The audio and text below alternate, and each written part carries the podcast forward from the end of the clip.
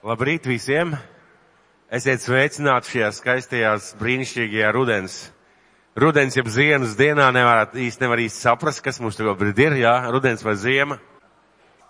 Un šodien es gribētu dalīties ar vārdu, kuru Dievs deva man mūsu braucienā uz Izraelu.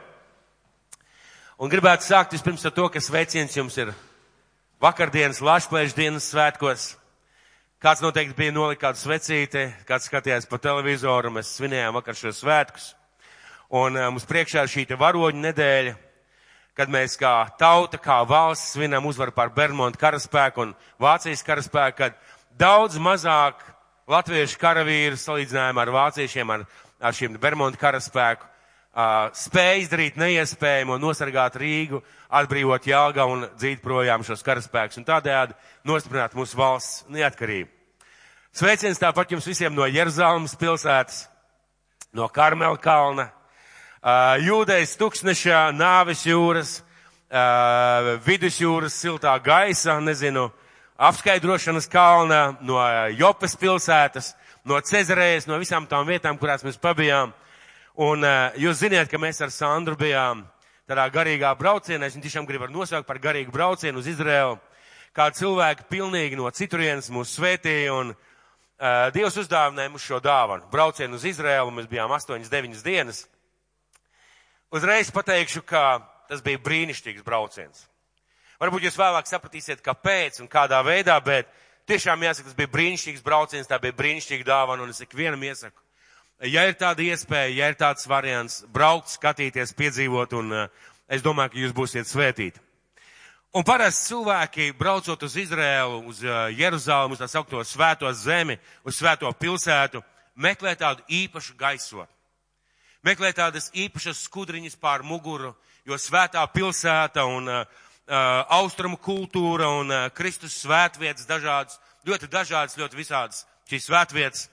Uh, cilvēki meklē šo Jeruzalemes skaistumu un kādi īpaši, kā, liek uzsvaru uz vārdiem, piemēram, šalom, sabat, sabat, sabat šalom, šabat šalom, vai vēl kādi citi vārdi mums tur mācīja arī kā sveicināt ebreju valodā un mācīja, nevis mācīja, bet stāstīja, kā ir mainījušies gadu laikā vārdi dažādām pilsētām. Piemēram, mēs saucam par Jopi, lasam par pilsētu Jopi, patiesībā tā ir Jafa un dažādas pilsētas dažādi mainījušās. Bet cilvēki meklē tādas īpašas sajūtas braucienā uz Jeruzalem un gaida, ka kaut kas īpaši svēts, īpaši tāds, nu, dziļš, tāds ļoti tāds garīgs būs no šīs vietas, no šīs zemes, no šīs pilsētām, no šiem pilsētām. Un kādu vārdu meklē vārdus, kāda meklē ēdienus, kāda meklē kultūru, kāds cilvēks meklē e, simbolu, kāds meklē šos svētos apģērbus un e, kāds meklē raudu mūru, pieiet pie raudu mūru un redzēt, kā tas izskatās, kā tur tas notiek. Un nenoliedzami, nenoliedzami, tur daudz viskaut kā. Tur tiešām ir daudz viskaut kā. Viena no lietām, kas man personīgi uzrunāja un patika, viņi ļoti pievērš uzmanību ēdienam. Mēs tiešām ļoti labi ēdām, kā Gits teica, nelaidīšu ārā, kamēr kāds nebūs palicis smagāks par pieciem kilogramiem. Un bija iespēja. Ļoti garšīgi, ļoti jauki, ļoti brīnišķīgi. Un, kā jau ar pie, pie zviedru galda, te var apēst vienu porciju. Pēc tam var iet ņemt vēl vienu porciju, neviens tev aizdomīgi neskatās. Divas saldējumus, piecas, piecas kūciņas un tam līdzīgi. Brīnišķīgas dažādas lietas. Un nenoliedzami Jeruzālēmē, Izrēlā ir ļoti daudz ko redzēt, daudz ko piedzīvot. Un nenoliedzami Dievs ir teicis, ka tā ir man izredzētā zeme, izredzētā tauta. Un uh, nenoliedzami Kristus teica, ka viņš nāks uh, tieši uz šo zemi, šo tautu, atpakaļ otrais kā glābējs, kā pestītājs, bet visai cilvēcei. Bet atklāsies un uh, nolaidīsies viņš tātad šajā vietā, šajā Jeruzālēmē, bet redzēs visa zeme un visa pauta, tauta. Bet man gribētu šodien šeit stāvot ar skumjām teikt, tiešām ar skumjām teikt un atzīt. Izraela tauta dzīvo atmiņās par pagātni, par pagātnes godību, par pagātnes slavu, par pagātnes sasniegumiem.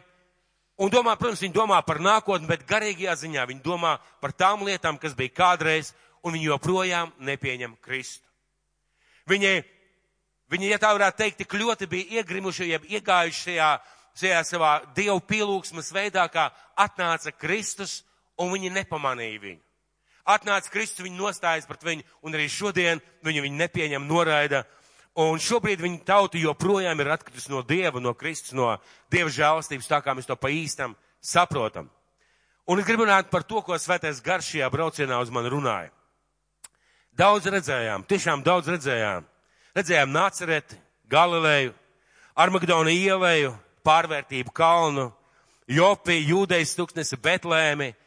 Daudz dažādas lietas, daudz dažādas vietas, brīnišķīgi un skaisti bet redzējām un es personīgi ieraudzīju ļoti, ļoti skaidri, ļoti, ļoti skaidri, ka piederība šai zemē, ka piederība šai tautai, šai pilsētai, šai nācijai, ka ēkas, kas varētu noteikt par svētajām vietām vai baznīcām, tas nav tas, kas nodrošina cilvēku dzīvē Dieva klātbūtni. Šīs te redzamās, taustāmās un fiziskās lietas nav tās, kas nodrošina cilvēkam Dieva klātbūtni, glābšanu, pestīšanu un mūžīgo dzīvību. Nav tas, kas atnes Dieva valstību, jeb to mieru cilvēku sirdī. Nav tas, kas dod pārliecību, es esmu Dieva bērns un es piedaru Dievam. Par Dieva svētību, Dieva klātbūtni un par Dieva labvēlīgu cilvēku dzīvē. Visas šīs lietas ir labas, vērtīgas, interesantas un jaukas. Bet, mīļie draugi, ja jūs meklējat Dievu, nav jābrauc uz Jeruzalem. Meklēt Dievu. Dievs ir mūsu sirdīs tajā vietā, kur viņu pielūdz garā un patiesībā. Viņš ir klāt esošs. Jo viņš teica pats šai samarietei, ka pienāks diena, kad pielūgs Dievu ne, ne Jeruzalemē, ne tajā kalnā, bet pielūgs Dievu garā un patiesībā. Un tas ir pilnīgi skaidrs, un es to ļoti skaidri sapratu. Un kāds noteikti teiks, kā tā svētā zeme? Svētā zeme, izdzētā tauta, svētvietas, tur ir ļoti daudz dažādas un uh, Paldies ķēzarienai, Helēnai, Konstantīna mātei. Konstantīns pasludināja kristīgo ticību par valsts reliģiju, un viņa māte veltīja ļoti daudz laika un pūļu un enerģijas un līdzekļu, lai atrastu visas vietas, kurās Jēzus bija, kurā Jēzus kaut ko darīja. Un ja jūs būsiet Jeruzalemē un Izrēlē, jūs atradīsiet vietu, kur Jēzus skēdēja uz Eļas kalnu un raudāja par Jeruzalemi. Jūs atradīsiet ģecemenes dārzu, jūs atradīsiet vietu, kurā, kas saucās Menze Kristī, jeb, jeb tā vieta, jeb tā kunga galda baznīca, kur Kristus sagaidīja jūras krastā Jānu un Pēteru šo zvejniekus ar, ar, ar zivīm un maizi. Mēs ļoti daudz ko atradīsim un noteikti kāds varētu teikt, kā tad tā tās visas svētās vietas, vai tad tas neko nenozīmē, vai tad tas neko negrib, ne, nevar pateikt mums, neko iemācīt, protams, ka var. Un es gribu lasīt no Mateja evaņģēlija 23. nodaļas, pirmais pants, un pēc tam mēs pāriesim uz 34. un 39. pantu. Mateja evaņģēlijas 23. nodaļa, pirmais pants, un pēc tam 34. un 39. pants. Tad Jēzus griezās pie ļaudīm, saviem mācekļiem ar šādiem vārdiem. Tā sākās šī nodaļa. Un viņš šajā nodaļā runā tādus smagus vārdus par farizējiem, par saduķējiem, par cilvēkiem, kas dzīvo šajā reliģiskajā pārliecībā, ka viņiem viss ir kārtībā un patiesībā viņi ir pazaudējuši Dievu un atstājuši. Un eh, pāriesim pie 34. panta līdz 39. Tāpēc redzi, es sūtu pie jums praviešus, gudrus un rakstu mācītājus. Dažus no tiem jūs nokausiet un sitīsiet krustā, un citus šaustīsiet savās sinagogās un vajāsiet no vienas pilsētas uz otru ka uz jums nāktu visnevainīgās asinis, kas izlietas virs zemes, no taisnā ābela asinīm līdz Saharijas, Barakija dēla asinīm, ko jūs nokāvuši starp dievu namu un altāri. Patiesi es jums saku, tas viss nāks par šo dzimumu. Jeruzālemi, Jeruzālemi, kas nokauja praviešus un nomētā ar akmeņiem tos, kas pie tevis sūtīti. Cik reiz es gribēju sapulcināt ap sevi tavus bērnus kā vistu, sapulcinu savus cālīšus, apakšējiem spārniem, bet jūs ne, negribējāt. Redzi, jūsu nams jums tiks atstāts postā. Jo es jums saku, jūs man no šī laika neredzēsiet tiekams, jūs sacīsiet, slavēts, kas nāk tā kunga vārdā. Un tad 24. nodaļa, pirmais pants. Un izgājis no dieva nama, Jēzus aizgāja. Tad viņa mācekļi piegāja pie viņa, lai rādītu viņam dieva nama celtnes. Un šeit mēs apstāsimies. Tad Jēzus saka, tajā vietā un tajā laikā, kad vēl nekas nav nopostīts, kad viss ir skaisti, brīnišķīga upurēšana. Priesteris staigā garos svārkos, viņiem ir savs tēls, viņiem ir savs imičs. Tauta dzīvo zem Romas impērijas varas, bet tajā pašā laikā viņi ir brīva nācija zināmā mērā. Viņi var izpaust savu gribu, viņi var brīvi pielūgt Dievu. Un ja es nāku pie viņiem, saka, jūs dzīvojat ne tā, kā Dievs vēlās. Jums ir dots Dievu vārds, bet jūs esat aizslēguši debesu valstību. Jūs liekat cerību un paļāvību uz saviem tēviem, uz šiem akmeņiem, uz šiem brīnišķīgiem namiem, bet tas nav tas, kamā pastāv Dieva valstī. Esmu nācis pie jums un tālāk viņš saka, cik reizes gribēju jūs sapulcināt, bet jūs negribējāt. Un mēs zinām, kā jūdi viņu nepieņēma un uh, noraidīja viņu. Un pirmais pants, un izgājis no Dieva nama, Jēzus aizgāja. Tad viņa mācekļi piegāja viņa, pie viņa, lai rādītu viņam Dieva nama celtnes. Un lasīsim Lūkas evaņģēlijas 21. nodaļu, 5. 6. pants. Lūkas evaņģēlijas 21. nodaļa, 5. 6. pants. Patiesībā tas ir šīs tāpat stāsta turpinājums, jeb atkārtojums, drusku nedaudz savādāk, kā to Lūkas uzrakstījis. Tātad Lūkas 21, 5, 6. Kad daži norādīja uz dievnamu, cik bagāti tas greznos skaistiem akmeņiem un ziedotām dāvanām. Un atkal kāpēc mācekļi pēkšņi izējot no dievnam, norādīja uz šiem akmeņiem, greznojumiem šo skaistumu. Kāpēc viņi teica, lūk, kādi akmeņi, lūdz kāds nams. Jo Jēzus runāja par to, ka Dieva valstība nestāv šajos akmeņos. Nestāv jūsu tradīcijās, nestāv tajās lietās, kurās jūs šobrīd dzīvojat. Dieva valstība stāv paklausībā Dieva vārdam, un Dieva valstība atnāk kopā ar Kristu Mesiju kā glābēju. Un kāpēc mācekļi teica uzreiz pēc šīs runas, lūk kāda akmeņa, lūk kādas mājas, lūk kādas cik skaisti izgreznots, ļoti vienkārši, tāpēc, ka viņi teica, nevar būt Jēzu, ka tu šo namu atstāsi, jo paskaties kāds nams, paskaties, cik skaisti uzbūvēts.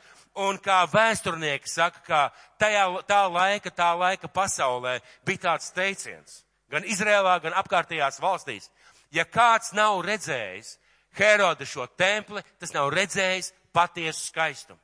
Šis nams bija lielisks, viņš bija lielisks, viņš bija ļoti grandios, viņš bija ļoti labi uzprojektēts, uzbūvēts ar zeltu, dārgakmeņiem, brīnišķīgām statujām un pārējo izrotāts. Tas bija kaut kas izcils kā arhitektūras piemineklis. Un šie cilvēki saka, Jēzu, tu tikko pateici, ka šo, tu šo namu atstās. Nevar būt. Paskaties uz šo namu, paskaties uz akmeņiem, paskaties, kā tas ir izgraznots, ko man tas personīgi pasaka.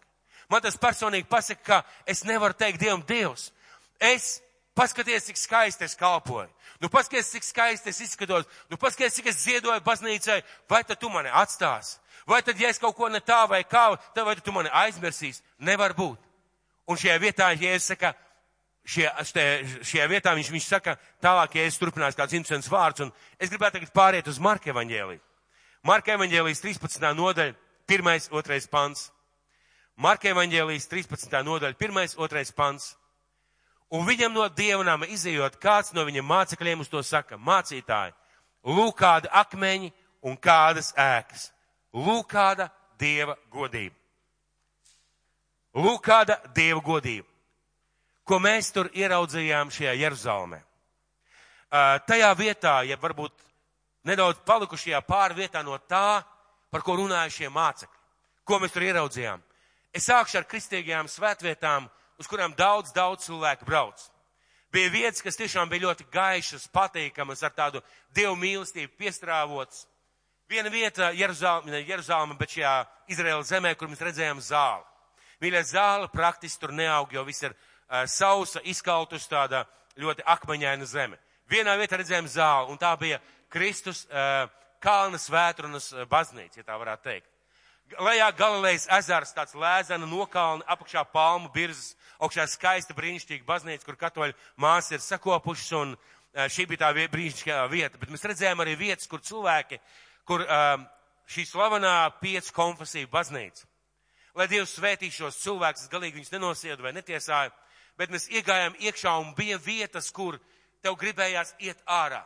Cilvēki iet liek e, pieri pie akmeņa. Viņi stāv milzīgā garā rindā, lai pieskārtos Betlēmes zvaigznē. Viņi stāv milzīgā garā rindā, lai redzētu, kurā vietā Jēzu piesiet krustā, lai pieskartos tiem akmeņiem, lai raudātu pie šī akmeņa. Jēzus tur sen vairs nav. Un mēs ieraudzījām šīs kristīgās svētvietas, kas ir laba doma kā atgādinājums, ka cilvēki tās ir pārvērtuši par pielūgsmas vietām, meklējot tajās vietās Dievu. Meklējot tajās vietās Dievu. Jēzus teica, šajā vietā akmens uz akmens nepaliks. Mēs redzējām arī raudu mūru ebreju tautai. Un pie raudu mūra katram noteikti ir savas sajūtas, katram noteikti ir savas izjūtas. Bet tas, ko es piedzīvoju, tas, ko es sapratu, tas, ko es ieraudzīju, un varbūt nedaudz no vēstures.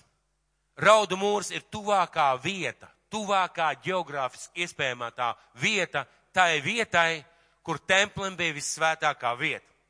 Tajā laikā, kad Dāvids, nu, Dāvids pārveda šķirstu, Dieva sajiešanas šķirstu uz, uz Jeruzālemi, viņš uzbūvēja savu pilsētu, viņš uzbūvēja savu, savu pili, un tad viņš no, nopirka no vietējiem iedzīvotājiem Morijā kalnu, un šis kalns bija kā tāds plato.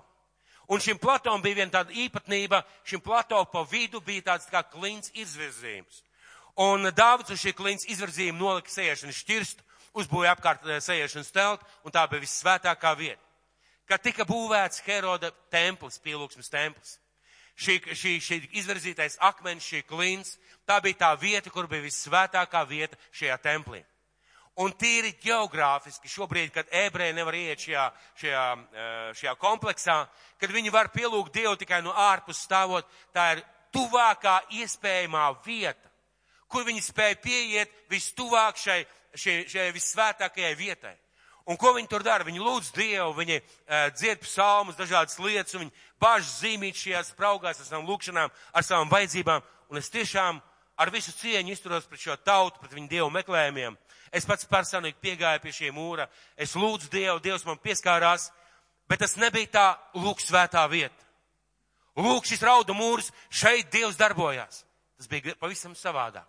Es ieraudzīju, ka Dievs, ka Kristus stāv pāri raudu mūriem.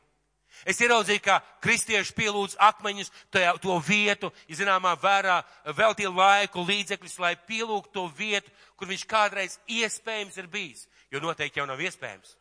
Un ebreji cilvēki, viņi pielūdz to vietu, kur pēc iespējas tuvāk var tikt tai vietai, kas bija svētā vieta. Un kas notika? 70. gadā pēc Kristus. Tātad 40 gadus pēc Kristus aiziešanas no, no šīs zemes, jeb pacelšanos gaisā, ebreja tauts saceļās pret Romas impērijas varu, sākās dumpes sacelšanās un atnāk romiešu karaspēks. Viņi aplans Jeruzālēm piedāvā padoties, ebreji nepadodās, un viņi ielaužās šajā Jeruzālēmas pilsētā un burtiski noārda, burtiski akmeni pa akmenim noārda šo templi. Piepildās Kristus vārdu. Šeit akmens uz akmens nepaliks. Burtiski noārda, un tur ir kāda interesanta, ārkārtīgi interesanta vieta. Vai jums kādreiz gadījies redzēt uh, fotogrāfijas, savas vecās fotogrāfijas, uh, kad jūs kādreiz fotografējuši un esat pievērsuši īstu uzmanību, un pēc daudziem gadiem jūs skatāties šīm fotogrāfijām, un jūs ieraugat, ka fotogrāfija ir piefiksējusi kaut kādu īpašu mirkli. Jūs pat, kad fotografējat, nedomājāt, bet piefiksējuši kādu īpašu mirkli. Un šajā kompleksā, kur arheoloģiski izrakumi notiek, uh, kur tiek veltīti liela līdzekļi, lai meklētu, lai raktu, un patiesībā no tempļa sienas ir palikusi tikai apakšējā kārta ar akmeņiem, kas ir bijis zem zemes un tagad ir atrakta.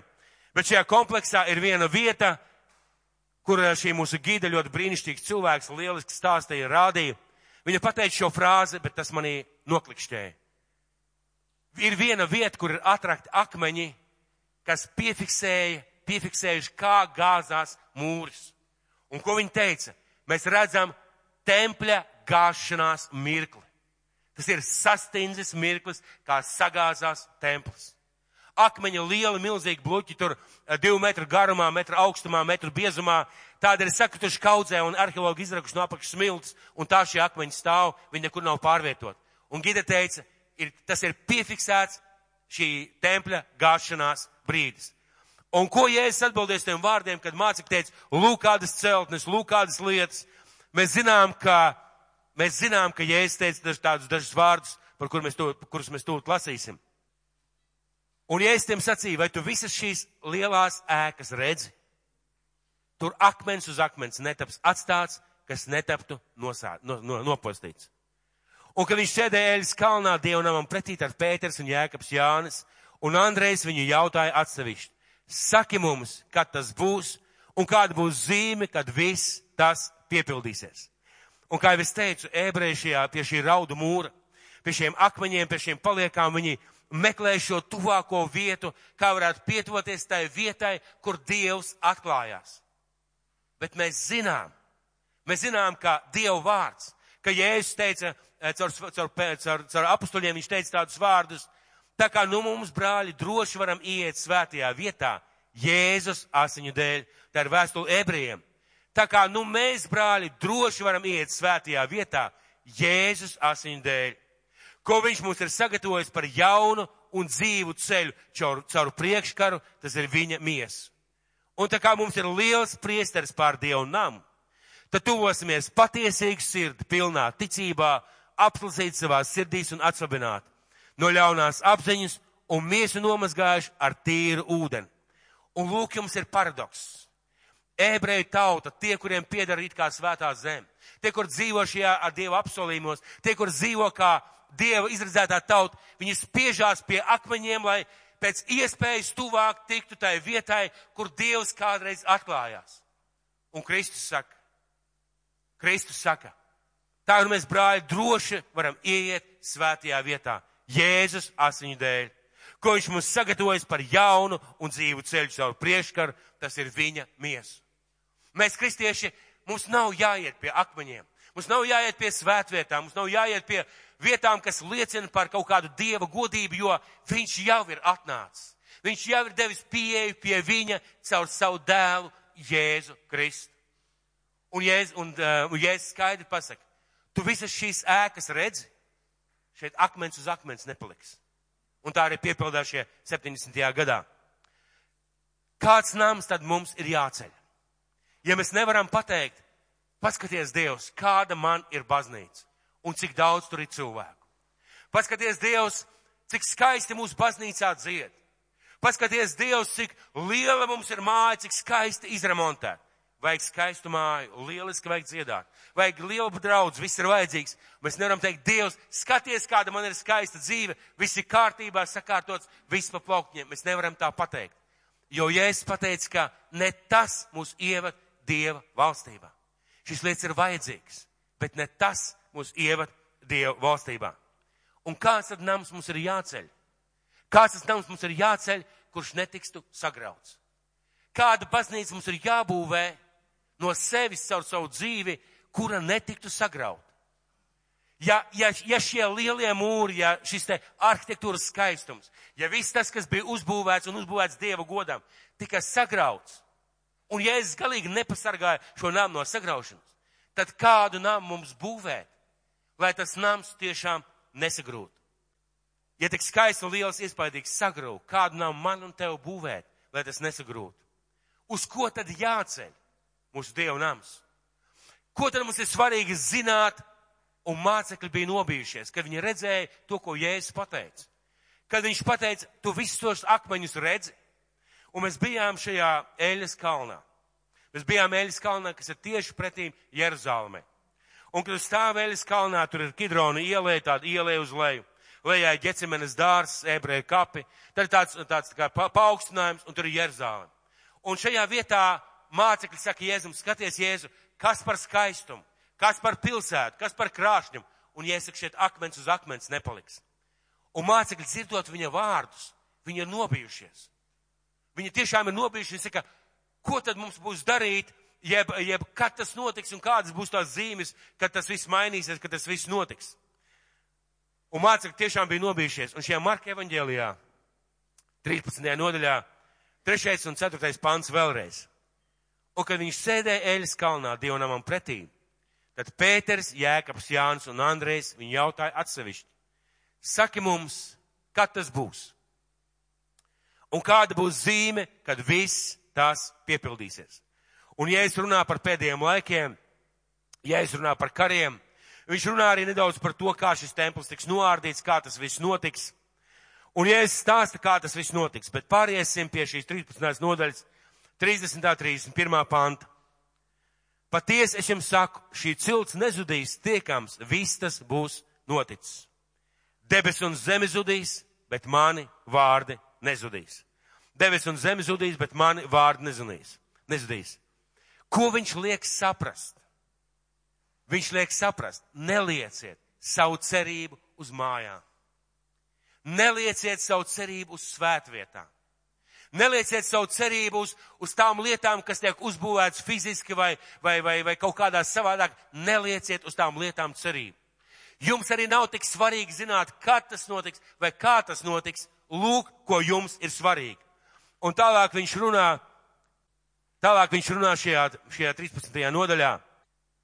Bet no to dienu vai stundu neviens nezina, kā eņģeļi debesīs, ne dēls, kā vienīgi tēvs. Tas bija toreiz, man kādreiz ir uzdevuši jautājumu, vai kā arī šodien, ja es nezinu, šodien, ja es jau zinu to dienu. Bet lūk, ko viņš saka saviem mācekļiem. Pielūkojiet, esiet modrīgi. Jo jūs nezināt, kad tas, kad tas laiks ir klāt.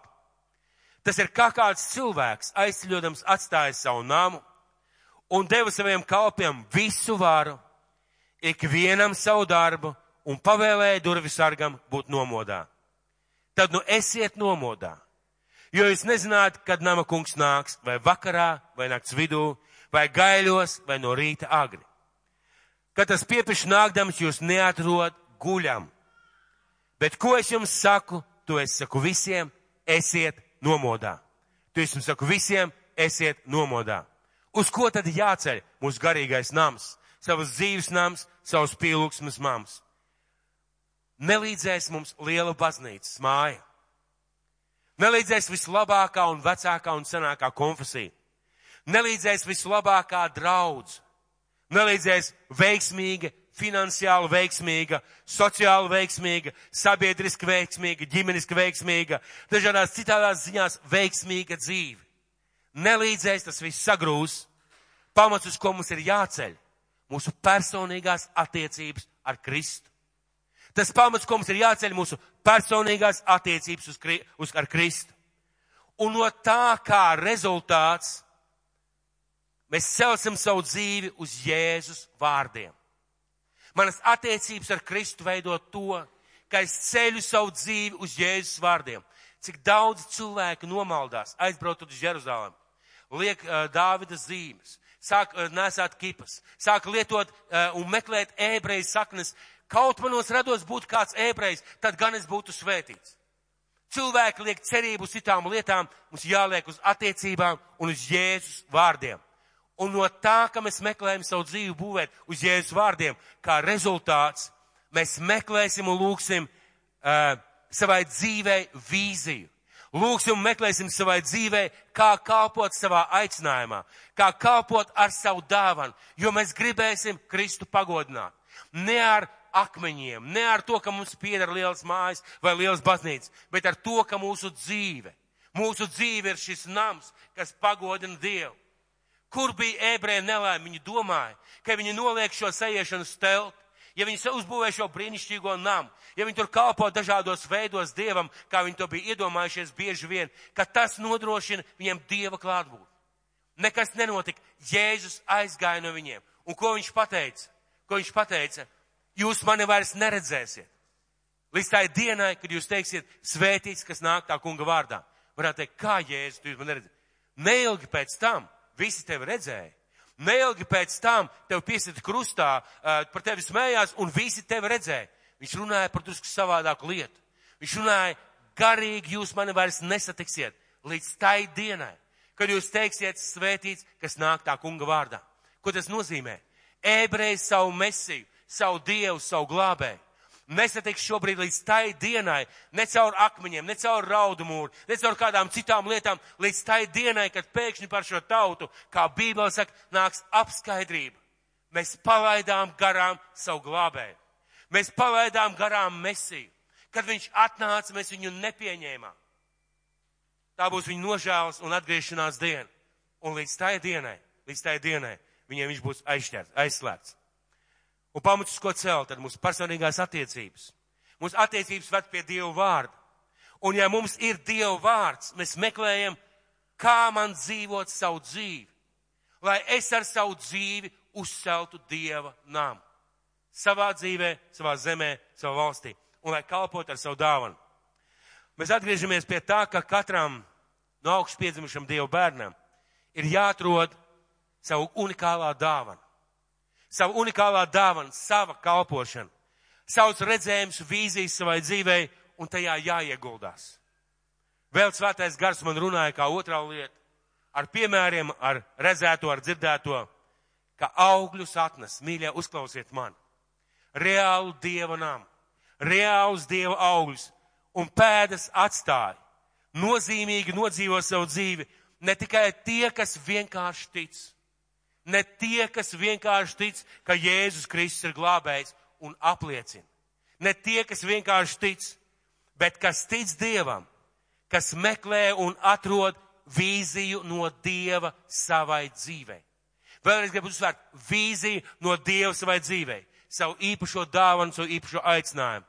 Un kas ieguldās, smagi strādā, lai sasniegtu savu vīziju un savu mērķi, kas apzinās savu laiku, mīļie, kas apzinās savu laiku, kas apzinās savu laiku. Mēs bijām tajās Bībeles vietās, kurās daudz kas bija noticis, ka daudz kas bija gadījies, un es ieraudzīju vienu lietu. Šīs baznīcas, šie notikumi piefiksēti tāpēc, ka tur bija cilvēki, kas klausījās, tāpēc, ka Jēzus tur kaut ko izdarīja, tāpēc, ka it kā sastinga mirklis. Sastinga mirklis, un šis mirklis liecināja, Jēzus zināja savu laiku.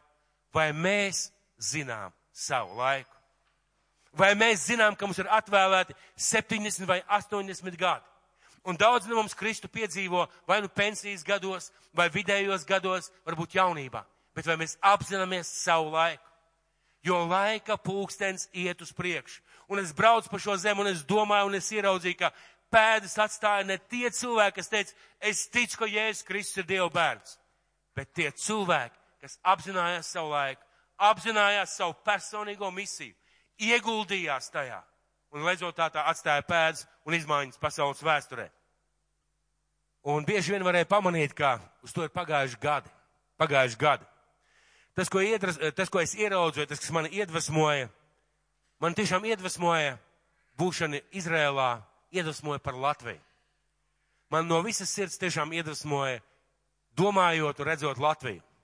Vai jūs zināt Izrēlu vēsturi? Es nedaudz tā kā ieiešu tādā vēstures notikumos. Ļoti virspusēji, ļoti ātri. Tas 70. gads, ebrejas atcēlušies pret Romas impēriju.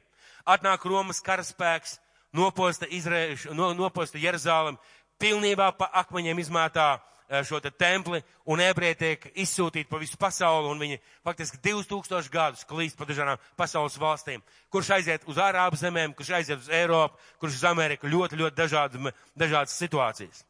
Bet 1920. gads, viens no tādiem ja tā varētu teikt, sākumu punktiem, kad sākās ebreju atgriešanās Izrēlā.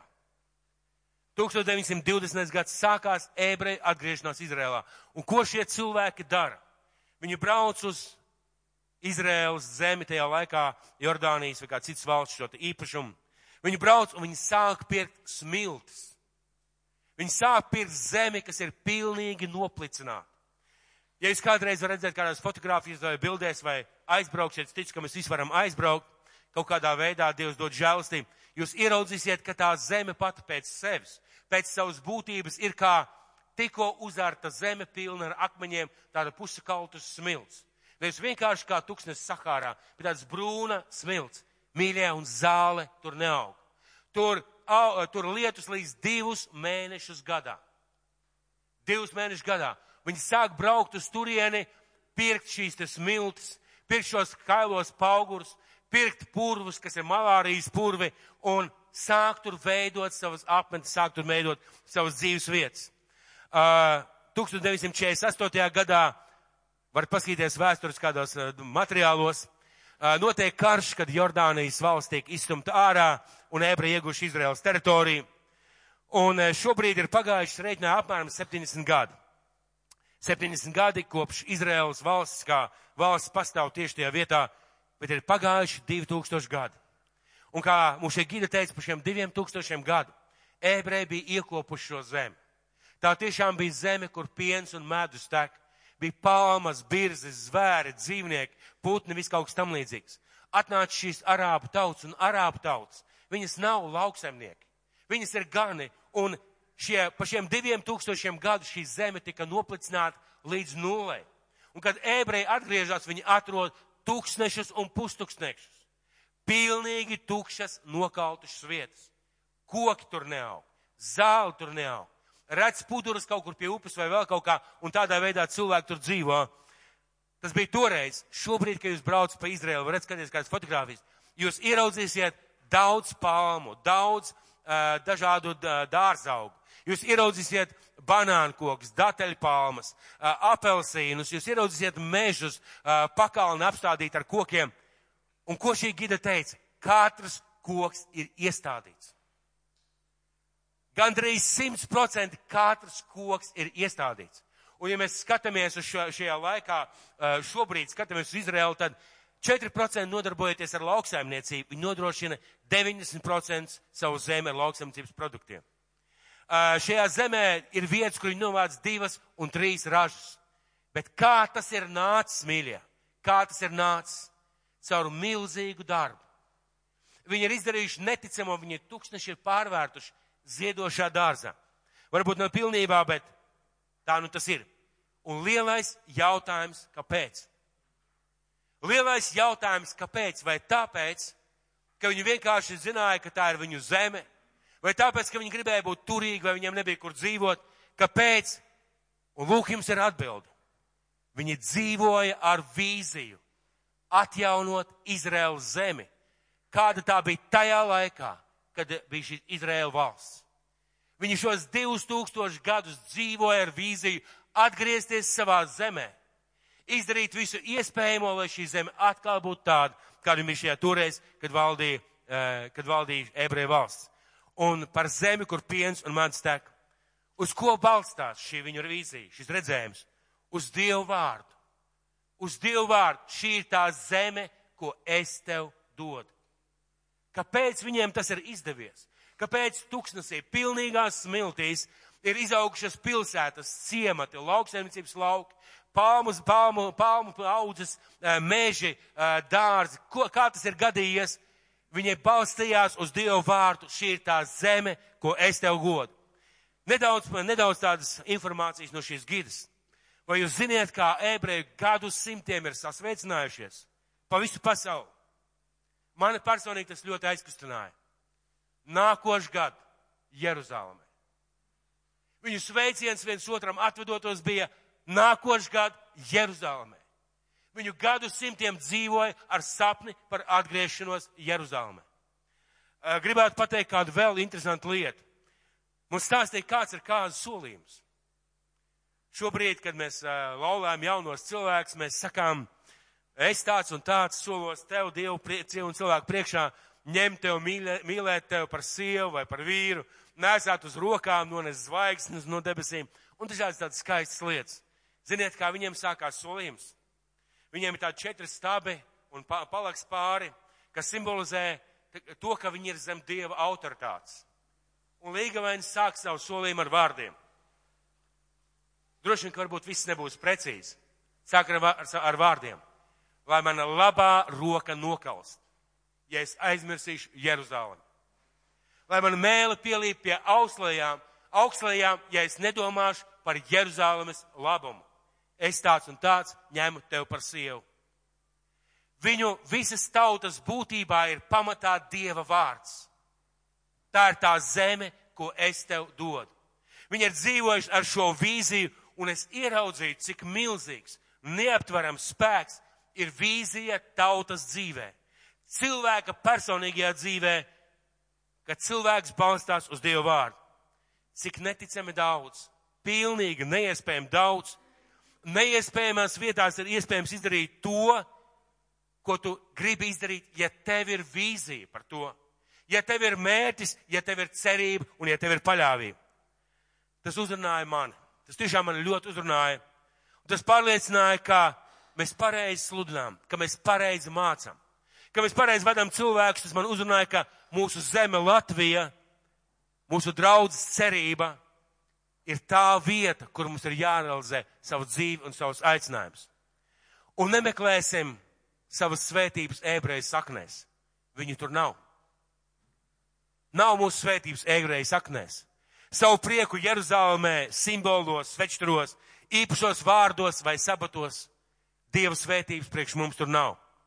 Meklē savu prieku savā kungā. Dzirdiet man? Meklē savu prieku savā kungā. Meklē savu prieku viņa aicinājumā priekš tevis. Meklē savu prieku viņa dāvanā, kur viņš tev devis. Un savu prieku ieguldīties tajā dāvanā, ko viņš tev ir devis. Mēs dzirdējām neticamus stāstus. Ebreju pārceļotāji ieceļ, iebrauc Jopas pilsētā, ja nemaldos, tā bija Jope. Viņi atbrauc ar kuģiem no Eiropas un viņi īrē pie arābu cilvēkiem šos dzīvokļus un arābi, protams, prasa lielu naudu. Ir kaut kādi terora uzbrukumi, apvainojumi. Un šie cilvēki saprot, mēs nevaram tā tālāk dzīvot. Ko viņi dara? Viņi samet kopā naudu. Pārdesmit kilometrus no tās vietas nopērk kāpas. Iedomājieties, kurš pērk kāpas?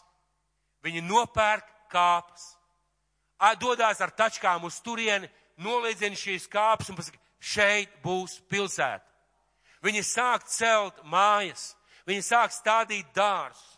Viņa uzbūvē pirmo lukturi un uzstājas tādu lielu ielu un saka, šeit būs, šeit būs avēnī. Un droši vien, ka arābu cilvēki tajā laikā teica, nu tie gan ir jocīgi. Šodien tā ir pilsēta Jafa. Mēs dzirdējām neticamu stāstu, kā cilvēki ir aizgājuši uz uh, Armagedona ielai, kas pa šiem gadu simtiem bija pārvērtusies par malārijas, par malārijas šo te uh, purvu. Kā viņi nosuzināja šos purvis, kā stādīja dārzus. Šodien no šīs zemes iegūst trīs ražas gadā. Tā ir auglīgākā zeme Izrēlā, šī Armagedona ielai. Cilvēki nenokā iedrot lāpstu kāpā. To ir padarījuši par ziedošu dārzu. Kāpēc? Viņiem bija šī vīzija. Mēs celsim atkal Izrēla valsti. Mēs piepildīsim šo zemi ar medu un ar pienu, un mēs ieguldīsimies tajā, ko mēs darām ar visu to, kas mēs esam un kādā veidā mēs dzīvojam. Meklē savu prieku savā kungā, meklē savu prieku viņa gribā, savu prieku viņa aicinājumā priekš sevis, savu prieku viņa dāvanā, savu prieku ieguldīties. Un ja mēs vienkārši sakam, es ticu Kristum, es apliecinu viņu par savu glābēju, bet ja mēs savu nāmu neceļam uz tiem vārdiem, ko viņš teica saviem mācekļiem šajā Marka evaņģēlijā, eh, trešajā nodaļā, tas ir kā kāds cilvēks aizsļodams atstāja savu namu un deva saviem kalpiem visu varu, ik katram savu darbu un pavēlēja durvis sargam būt nomodā. Ja mēs neieliekam savu dzīvi tajās lietās, uz ko Dievs mūs ir aicinājis, ja mēs nemeklējam savu īpašo aicinājumu, vīziju savai dzīvei, mēs nodzīvosim tukšu un nekam nevajadzīgu dzīvi. Vakar mēs svinējām šo lāčplēšu dienu, varoņu nedēļu. Kāds lika svecītas logā, kāds lika pie, pie Latvijas šīs te Rīgas pils. Kāpēc? Kāpēc? Tāpēc, ka 18. gadā radās cilvēki, vai pirms tam jau viņi bija radušies, kuriem bija sapnis par brīvu Latviju. Un šie cilvēki apstākļos, kad viņiem draudēja visdrīzākais nāvesots, izsūtījums, viss iespējamais, kad šie cilvēki piecēlās un pasludināja Latviju par brīvu neatkarīgu valsti. Un tūlīt pat 19. gadā sākās Bermonta un Vācijas karaspēka uzbrukums. Tūlīt pat, un nepietika tikai pasludināt savu vīziju, viņi bija jāizstāv. Kāpēc mēs svinējam šo varoņu nedēļu un Lāčplēšu dienu? Tāpēc, ka 19. gadā, 19. gadā bija jāaizstāv tas, par ko tauta bija sapņojusi. Un bija cilvēki, bija cilvēki, bija cilvēki, latvieši, kas dzīvo ar šo vīziju un atdeva savu dzīvību par brīvu Latviju. Ne tikai sapņoja, bet atdeva savu dzīvību par brīvu Latviju. Kāpēc šī brīva Latvija? Tāpēc, ka cilvēki 19. gadā nostājās pret pārspēku un pateica, tā ir mūsu zeme, mēs par viņu stāvēsim. Un vēsturnieks saka, ja tajā mirklī Latvijas karaspēks būtu padevies vai zaudējis, nebūtu vairs brīvs Latvijas. Tas bija tas mirklis. Vienīgais, kas iespējams bija dots mūsu tautai, mūsu vēsturē. Tāpēc, kad dzīvoja un atdeva savu dzīvi un dzīvoja ar vīziju, un kāds gudrs cilvēks ir teicis, Es domāju, ka jūs droši vien būsiet dzirdējuši šo teicienu. Ja tavā dzīvē nav mērķa, par ko ir vērts mirt, ja tavā dzīvē nav mērķa, par ko ir vērts mirt, tad tev nav dzīves, kuru ir vērts dzīvot. Un tā ir taisnība. Tā ir absolūta taisnība. Ko man vēl runāja svētais gars? Latvija ir tā zeme, kā Dievu vārdā teikts, kur mums Dievs līdz piedzimt, mēs nepiedzimām nejauši. Mēs nepiedzimām vienkārši tāpēc, ka mūsu vecāki bija kopā. Mēs nepiedzimām vienkārši kaut kādā laikā, kad mums vienkārši gadījās. Dievs ieliek laiku un vietu, kur cilvēkam piedzimt. Ar mērķi, lai cilvēks meklētu Dievu. Tā saka Bībele ka viņš līdz visiem cilvēkiem celties no vienām asinīm, dzīvot pa visu pa zemes virsu un nolicis laiku un vietu, kur tiem piedzimt, lai tie meklētu Dievu, lai atrastu, iepazītu, iemīlētu un lai nestu viņa valstību, gribu, kārtību, viņa augļus tajā vietā, kurā viņš ir piedzimis. Lai koptu šo zemi Latviju. Mīļie draugi, mēs esam piedzimuši šajā laikā šajā zemē, lai nestu Dievu valstību šeit un šajā laikā. Un kāda ir Dieva doma, vīzija Latvijai? Tāpat kā jebkurai valstī un tautai, pie Kristus atgriezti cilvēki. Pastāvīga valsts, sakārtot, pilna ar izglābtiem Dievu bērniem, ar savu valodu, ar savu kultūru, ar savām vērtībām. Tāda, par ko cilvēkiem un Dievam ir prieks. Tāda ir Dieva vīzija par šo, val, šo valsti. Bet kā tas var notikt? Šodien mēs dzirdam daudz negatīvu par mūsu valsti. Daudz negatīvu par mūsu zemi. Ziniet, šis brauciens, šis brauciens vēl kādā ziņā bija īpašs. Kādreiz, kad mēs aizbraucam uz Eiropu, mēs atgriežamies un sakam, vai, vai, cik tur bija skaisti, vai, vai, cik pie mums nav, nav sakārtots. Šī bija tā reize, kad mēs izkāpām no lidmašīnas un lidlaukam gar malu aug zāle. Jūs iedomājaties, lidlaukam gar malu aug zāle. Un ir koki ar lapām, kurus neviens nav stādījis. Ir fantastiski sajust, cik svētīta ir tava zeme. Un mēs ieraudzījām, kā Dievs var paņemt putekļus, pilnīgi necilu zemi, un no tās radīt brīnumu. Un ja Dievs mums ir devis tik skaistu zemi, cik skaisti mēs varam to izveidot kopā ar Dievu. Un kā tas var notikt? Ar vīziju, ko tavai dzīvei dod svētais gars. Kā tavu dzīvi var atnest augļus? Ar vīziju, ko tavai dzīvei dod svētais gars. Ar dāvanu, ko Dievs tev ir devis. Un neviens cilvēks nevar izdarīt visu, katram ir savu dāvanu. Un ar ieguldīšanos, ar cīņu par savu aicinājumu, par to, lai mēs izdarītu visu, kas ir vajadzīgs mūsu dzīvē izdarīt. Es skatījos uz šo braucienu, tagad skatos drusku atpakaļ un es ieraugu, cik daudz Dievs māca mūs caur Izraēlu. Ja kādam Dievs dos, un es ticu, ka kāds cilvēks, kas tur būs aizbrauks, jūs iesiet pa šiem pakalniem, caur šiem tuksnesiem, staigāsiet varbūt pa šiem dārzēm, pa šiem svētvietām, un jūs ieraudzīsiet, cik neticami daudz var izdarīt cilvēks ar redzējumu savā dzīvē. Vēl kāds īsts piemērs. Man personīgi ļoti uzrunāja. Ir tāda pilsēta Natānija. Ja jūs paskatīsieties kartē, jūs ieraudzīsiet pilsētu Natāniju. Un viņas vēsture, šīs pilsētas vēsture ir apbrīnojama. Kāda ebreja cilvēka atbrauc uz Izraēlu un nopērk tuksnesī pakalnus. Un viņi sāk tur būvēt pilsētu, un šajā pilsētā ir viens vīrs, viens vīrs, kurš grib kaut ko vairāk nekā vienkārši ciematu. Viņš grib pilsētu šajā vietā. Viņš aizbrauc uz Ameriku pie saviem tautiešiem, nezinu, kāds viņam izdodēt, tur sācināt kopā un saka, tas, kurš ziedos visvairāk naudas, tā vārdā mēs nosauksim pilsētu. Un droši vien, ka viņš pastāstīja, ka mēs tikko nopirkām tuksnesi. Tur varbūt ir pāris mājas un varbūt kāds dārziņš ir iestādīts, kāda palma ir iestādīta. Bet viņš viņiem saka, tas cilvēks, kurš ziedos visvairāk naudas, tā vārdā mēs nosauksim pilsētu. Kādi pieci cilvēki ziedo. Un lielākais ziedojums ir tūkstoši dolāri. Un ziedo kāds vīrs vārdā uh, Natanēls. Un šis vīrs, kas ir no Izraēlas, viņš saka tā, tavā vārdā mēs nosauksim šo pilsētu, un turpmāk šī pilsēta sauks par Natāniju. Bet jums vēl būs kauns par to, cik jūs dziedojāt. Šodien tā ir liela kurorta pilsēta. Jo viņš neapmierinājās ar to.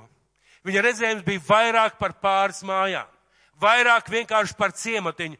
Viņš aizbrauc uz Eiropu, tiekās ar, ar, ar ebreju tautības e, briljantu un dārglietu tirgotājiem, ar šiem amatniekiem. Viņš aicina viņus uz Izraelu, saka, brauciet uz mūsu pilsētu, piecelsim šo pilsētu, uzbūvēsim šo pilsētu. Šie cilvēki atbrauc un uz to laiku šī pilsēta Natānija kļūst par briljantu centrālo vietu, kur tiek pārdot, izsolīt šī pilsēta aug. Un tad jau tiek noziedots vairāk naudas, ka viņš nāk šis vārds. Uh, piemēram, pilsēta Jafa. Viņa tiek nopostīta kara laikā. Nekā tur īpaši nav, viss ir nopostīts, viss ir izbeigts un uh, pilsēta ir drupās un nav līdzekļu, kur atjaunot. Un ceļās kāds vīrs ar redzējumu, mākslinieks pēc savas izglītības un profesijas, un aiziet pie pilsētas vadības, saka, mēs nevaram tā atļaut, ka pilsēta iet bojā. Viņš saka, atdodiet māksliniekiem šo pilsētu. Mēs aicināsim no visas pasaules māksliniekus, lai viņi šeit brauc, uzbūvē šo pilsētu, taisa savus darbnīcas, taisa mākslas centru. Šodien tā ir mākslinieku pilsēta. Kāpēc? Jo kādam cilvēkam bija vīzija. Kādam cilvēkam bija redzējums. Kādam cilvēkam bija vēlēšanās kaut ko mainīt. Un ko visi šie piemēri man personīgi un mums vajadzētu pateikt? Mīļie draugi, ja mēs esam Dieva bērni, ja mēs gribam atnest augļus Dieva valstībā, ja mēs mīlam Kristu, mums ir jāmeklē, kas ir tas īstais, īpašais, ko mums darīt. Mums jāmeklē, kas ir tas, uz ko Dievs mani aicina, kā Dieva bērni. Un jābūvē, jābūvē savus nams, nevis uz akmeņiem, bet uz Dieva vārdu. Un nobeigt es gribētu ar vārdiem no Mateja evaņģēlijas Mateja evaņģēlijas 7. nodaļa, 24. 25. pants. Mateja evaņģēlijas 7. nodaļa, 24. un 25. pants. Ja ir iespēja atšķiriet. Un ja es tikko ir pateicis kalnu svētrunu, runājis, kas ir svētīgs, kā dzīvot, ko darīt. Patiesībā tas ir tāds tā kā evaņģēlijas uh, savilk, kopsavilkumā. Un Mateja evaņģēlijas 7. nodaļā 24. 25. pants. Tāpēc ik viens, kas šos manus vārdus dzird un dara, pielīdzināms gudram vīram, kas savu namu cēlis uz klints. Kad stipras lietus lija un straumes nāca, un vēji pūt un gāzās šim namam virsū, nams tomēr nesabruka, jo tas bija celts uz klints. Kas manus vārdus dzird un kas manus vārdus dara. Lūk, tas ir tas nams, uz ko mums ir jāceļ sava klints savus nams.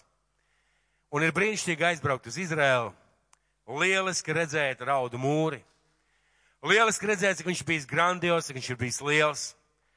Ir lieliski redzēt atjaunoto Izraēlu, ciematus, palmu birzes, mandeļu kokus, apelsīnu kokus, banānu kokus. Augam ar tādiem maisiņiem, kur iekšā jau ir augļi salikt iekšā. Ir brīnišķīgi redzēt siltumnīcas, simtiem kvadrātmetru lielumā ir brīnišķīgi.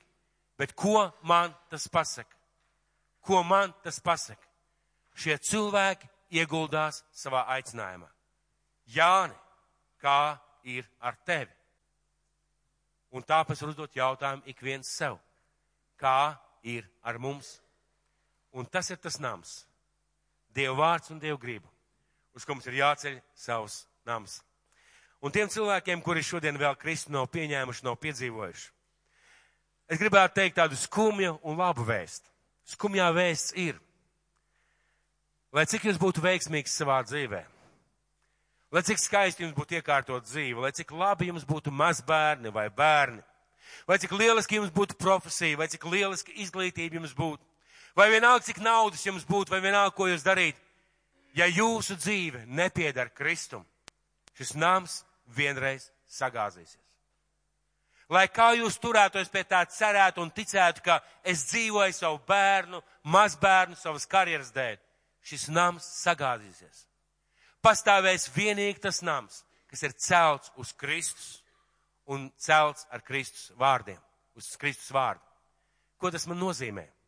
Tas nozīmē, ka es varu būt veiksmīgs, man viss var būt kārtībā, bet man ir vajadzīgs Kristus. Un ja tu savu dzīvi nekad neesi atdevis Kristum, un droši vien kāds cilvēks sēž, sēž zālē un teiks, es ticu, ka Kristus ir Dieva dēls.